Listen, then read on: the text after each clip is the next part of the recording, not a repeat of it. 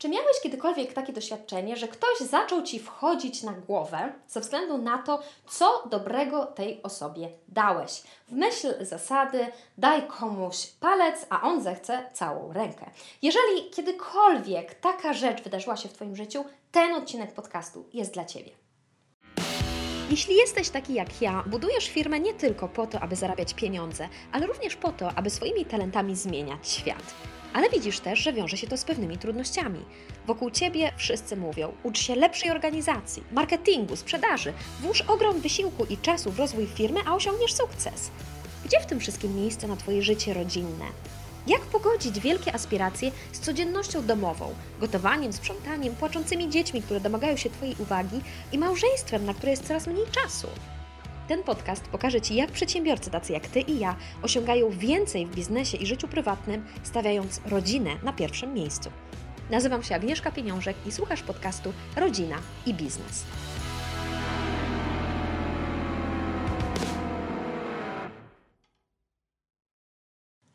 Odcinku opowiadałam Ci o tym, czym w ogóle jest dawanie i jakie trzy warunki muszą być spełnione, żeby daną, y, dane nasze zachowanie w ogóle można było nazwać dawaniem. Dzisiaj pociągniemy ten wątek, dlatego że w mojej grupie na Facebooku pojawiło się super pytanie, które dotyczy właśnie tego tematu, które jakby jeszcze pogłębia go i zdecydowałam, że chciałabym po prostu odpowiedzieć na to pytanie właśnie w takiej formie. Otóż jedna z osób y, na mojej grupie y, napisała o tym, że ma w sobie dużo wątpliwości i obaw związanych z dawaniem, dlatego że wielokrotnie doświadczyła takiej sytuacji, że kiedy ona okazała komuś swoje serce, zrobiła coś dobrego, jakąś życzliwość okazała, to ta osoba zaczęła jakby wchodzić jej na głowę.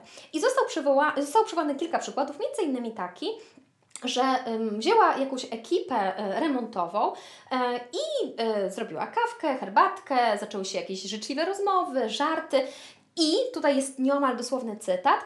Te osoby poczuły, że już są moimi kumplami, więc że mogą olać pracę, że mogą się spóźniać, że mogą odstawić fuszerkę, bo relacje między nami się zacieśniły. E, I osoba, która zadawała to pytanie, właśnie mówi: I ja po takich doświadczeniach czuję, że ja się trochę boję dawać, boję się tego, co będzie, boję się, że ktoś to wykorzysta, że zrobi coś z tym niewłaściwego i że jakby e, wejdzie mi na głowę.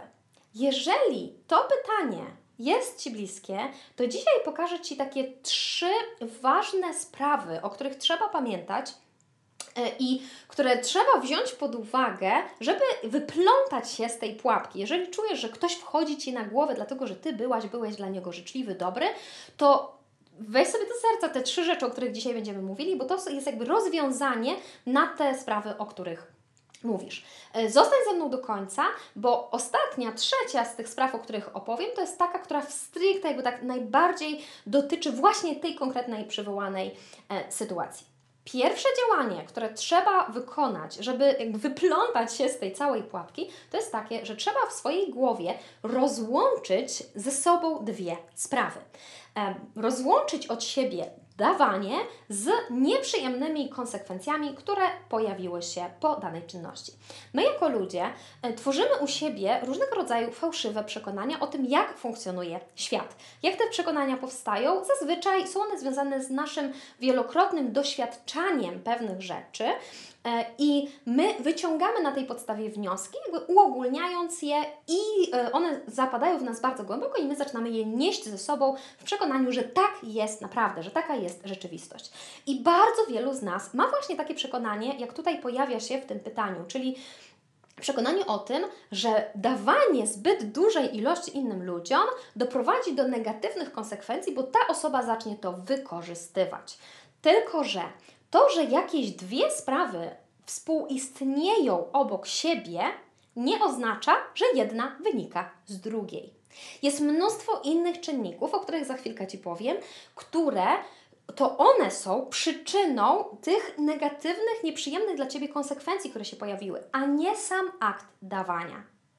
My w ogóle mamy bardzo dużo takich fałszywych przekonań, e, bo po prostu e, przez to, że wielokrotnie doświadczaliśmy jakichś rzeczy i pojawiały się, jakby współistniały obok siebie dwie sprawy, to w naszych głowach one zostały ze sobą powiązane i sobie wyciągnęliśmy wnioski, że jeżeli one tak często obok siebie się dzieją, to znaczy, że ta rzecz na pewno wynika z tej pierwszej.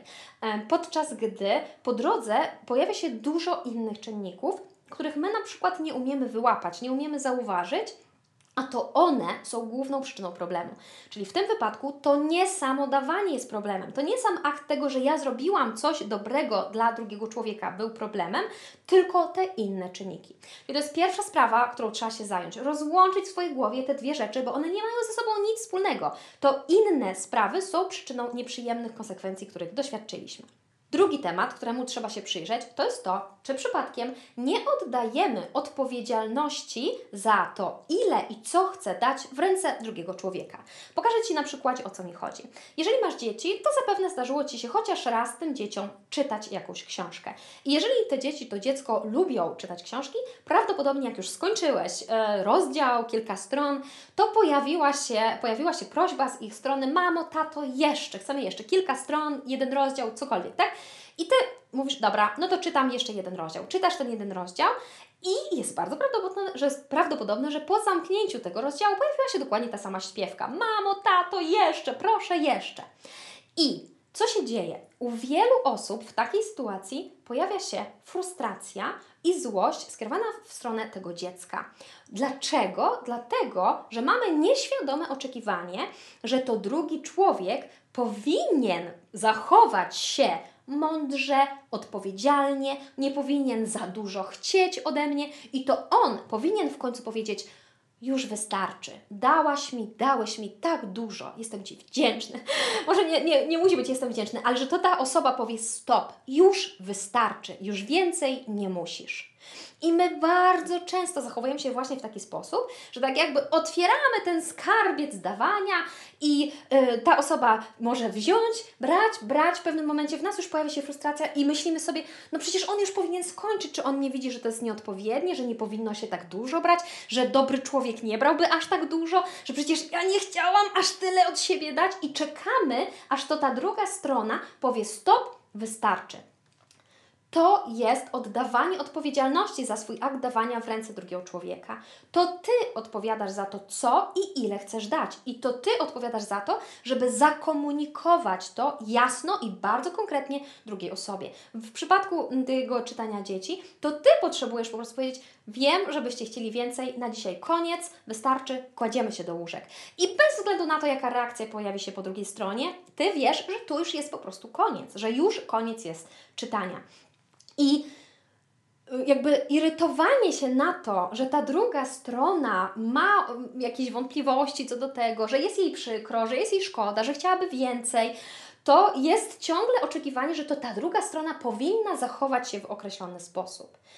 E, I dopóki w nas nie pojawi się ta pełna świadomość, to ja biorę odpowiedzialność. Cokolwiek się pojawi po drugiej stronie, to ja odpowiadam. I to ja muszę, potrzebuję jasno to komunikować i później się trzymać tego, co zakomunikowałam. To jest moja odpowiedzialność, nie tej drugiej osoby. Dopóki my tego naprawdę nie przyswoimy i nie zaczniemy tym żyć, to będzie w nas mnóstwo frustracji i co więcej, bardzo często będziemy doświadczać takich sytuacji, że różni ludzie będą tak jakby chcieli od nas wziąć więcej. E, będą tak jakby próbowali więcej po prostu tak wyciągnąć od nas w różny sposób. Dlaczego? Bo oni będą czuli, że my sami nie jesteśmy pewni, czy my chcemy dać więcej, czy nie. Że to jest wszystko takie rozmyte, rozmazane, że ja sama nie mam pewności, czy to już koniec jest tego czytania, czy jeszcze może troszeczkę poczytam. Więc to nie chodzi o to, że ta druga strona, że ten drugi człowiek jest złym człowiekiem. Tak, pomyśl sobie o tych dzieciach. Jeżeli one będą czuły, że ty nie masz pewności, to nie chodzi o to, że one są złymi dziećmi, bo chcą, żebyś czytała im więcej, czy czytał im więcej.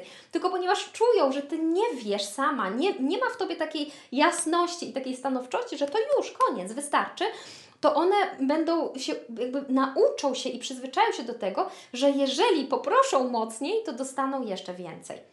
I my bardzo często tak jakby trenujemy ludzi wokół siebie, żeby tak do nas podchodzili. E, bo nie ma w nas jasności. Nie ma, my sami nie wiemy, gdzie tak naprawdę kończy się i chcemy, gdzie my chcemy zakończyć nasze dawanie, więc skąd ta druga osoba ma to wiedzieć? To ja za to odpowiadam. Jeżeli słuchasz moich podcastów regularnie, może pamiętasz, chyba w drugim odcinku podcastu pojawił się temat, w którym e, krok po kroku opowiadałam o dziewięciostopniowym procesie budowania relacji. I tam jako pierwszy krok pojawia się weź odpowiedzialność. I to jest dokładnie ten motyw, od którego trzeba zacząć. Dawanie, to co, ile i komu dasz, to jest Twoja odpowiedzialność. I nie czekaj na to, aż drugi człowiek powie: koniec, dość, stop, ja już więcej nie będę brać. To Ty masz to komunikować, to Ty masz to wiedzieć najpierw, gdzie jest ten koniec Twój w danej sytuacji, i to Ty masz to komunikować. To Ty musisz wziąć za to odpowiedzialność, nie czekać, aż inni się domyślą. Tutaj jeszcze jeden taki szybki przykład. My czasami podobnie się zachowujemy, kiedy mamy gości e, i na przykład chcielibyśmy, żeby ci goście już wyszli. E, bo się robi późno, chcielibyśmy na przykład kłaść już dzieci spać, albo o tej godzinie mm, nie wiem, mamy jakieś inne sprawy, więc zazwyczaj spędzamy wieczór razem, czy cokolwiek innego. I my jakby czekamy, aż ci goście się domyślą. I zaczynają się pojawiać takie myśli w głowie, matko, no przecież, czy ona, oni nie widzą, że już jest późno, że dzieci są zmęczone, no że trzeba by było już się szykować do spania, mogliby już wyjść, jakby uprzejmy człowiek, dobry człowiek by zdecydował, że to już jest pora wyjść. I my czekamy i się denerwujemy, się frustrujemy, podczas gdy moglibyśmy po prostu powiedzieć, kochani, Cieszymy się bardzo, że się z Wami spotkaliście. Bardzo chętnie umówimy się z Wami na inny czas, natomiast dzisiaj potrzebujemy już zakończyć to spotkanie, bo nasze dzieci są zmęczone i chcemy je położyć spać. Dziękujemy, do zobaczenia i możemy od razu ustalić termin. Jasno, konkretnie, bez frustracji, że ten ktoś się nie domyślił. Zanim przejdę do trzeciej sprawy, e, o której chcę Ci dzisiaj opowiedzieć, bardzo gorąco zachęcam Cię, jeżeli te treści są dla Ciebie ważne, pomocne, e, zostaw po sobie jakiś ślad. Możesz subskrybować kanał, możesz stawić komentarz, dać kciuka w górę, a nawet możesz posłać te wieści dalej. Możesz zrobić print screen, jak słuchasz, czy na YouTubie, czy na platformie podcastowej, wrzucić w jakieś media społecznościowe, na przykład w Instastory, oznaczyć mnie e, i będę Ci bardzo wdzięczna za przesyłanie tych wieści dalej w świat. To nie kosztuje Cię bardzo dużo czasu, natomiast dla nas to jest bardzo ważne, bo dzięki temu docieramy do nowych osób, którym możemy służyć tą wiedzą i tymi umiejętnościami. I przechodzimy do trzeciej sprawy, o której trzeba pamiętać, którą warto wziąć pod uwagę, a która już tak bardzo bezpośredni sposób tłumaczy, co wydarzyło się w przypadku tych, tych robotników, o których mówiłam na samym początku. Otóż my bardzo często myślimy, że dawanie oznacza to, że my mamy rezygnować ze swoich standardów.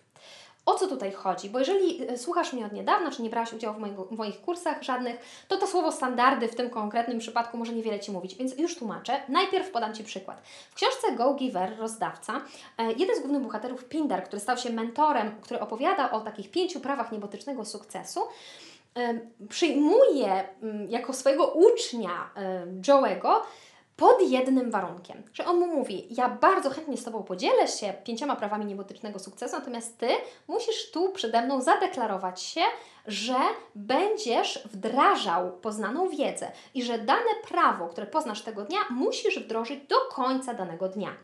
On nie zamierzał go tam później sprawdzać w żaden sposób, tylko powiedział, to była umowa honorowa, więc mówi, to ty sam dasz mi znać, jeżeli nie wypełnisz danego prawa, po prostu rano zadzwonisz do mojej sekretarki e, i powiesz, że nasze spotkanie jest danego dnia, e, że się nie odbędzie, tak? Bo na tym to polegało, że jeżeli on nie wdroży, to kolejne spotkania są anulowane i się nie odbywają. No i zobacz, w myśl tego, co my bardzo często w głowach mamy, co to za rozdawca, który stawia warunki? Co to w ogóle ma być? Natomiast to na tym właśnie polega życie swoimi standardami. Pindar miał jasno określone to, z kim i jak chce pracować. I on tak jakby nie wymagał od Joe'ego, żeby się zmieniał. On nie wymagał od niego, że ty musisz to zrobić, bo jeżeli nie, to ja się na ciebie obrażę albo coś tam. Tylko mu po prostu ze spokojem przedstawił to, jakie są jego standardy. Moim standardem pracy z innymi osobami jest to, że one wdrażają tę wiedzę i to odbywa się w taki i w taki sposób. I teraz jest Twoja decyzja, co z tym zrobisz. Albo możesz pójść za tym i zdecydować, że chcesz ze mną współpracować, albo możesz stwierdzić, to nie dla mnie i nie chcę z Tobą współpracować i się po prostu rozstaniemy bez urazy po którejkolwiek ze stron.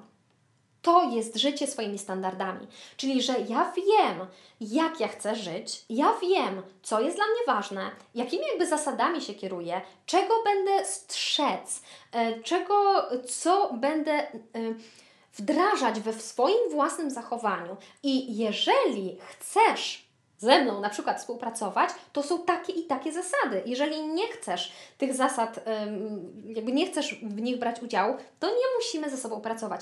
Ja dokładnie na tej samej zasadzie prowadzę na przykład swoją grupę na Facebooku, gdzie są bardzo konkretne, wyśrubowane standardy, jak na grupę na Facebooku i jeżeli ktoś ich nie przestrzega, to ja po prostu najpierw jakby przypominam tej osobie o zasadach, jeżeli ona nie chce nadal ich stosować, to ta osoba jest usuwana z grupy.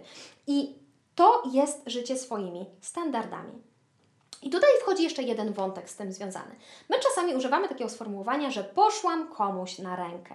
I co zazwyczaj to sformułowanie oznacza? Ono często oznacza jedną z dwóch sytuacji. Albo taką, że my zaniżyliśmy swoje standardy, albo w ogóle zrezygnowaliśmy ze swoich standardów, bo i tutaj mieliśmy jakieś wyobrażenia, że to da jakiś rezultat. Na przykład wprowadzi milszą atmosferę, że to pomoże nam się lepiej dogadać, że to sprawi, że tej osobie się zrobi miło, albo że ja jej nie sprawię przez to przykrości, tak? Czy jakby zaniżam swoje standardy w oczekiwaniu, że to da jakieś tam rezultaty.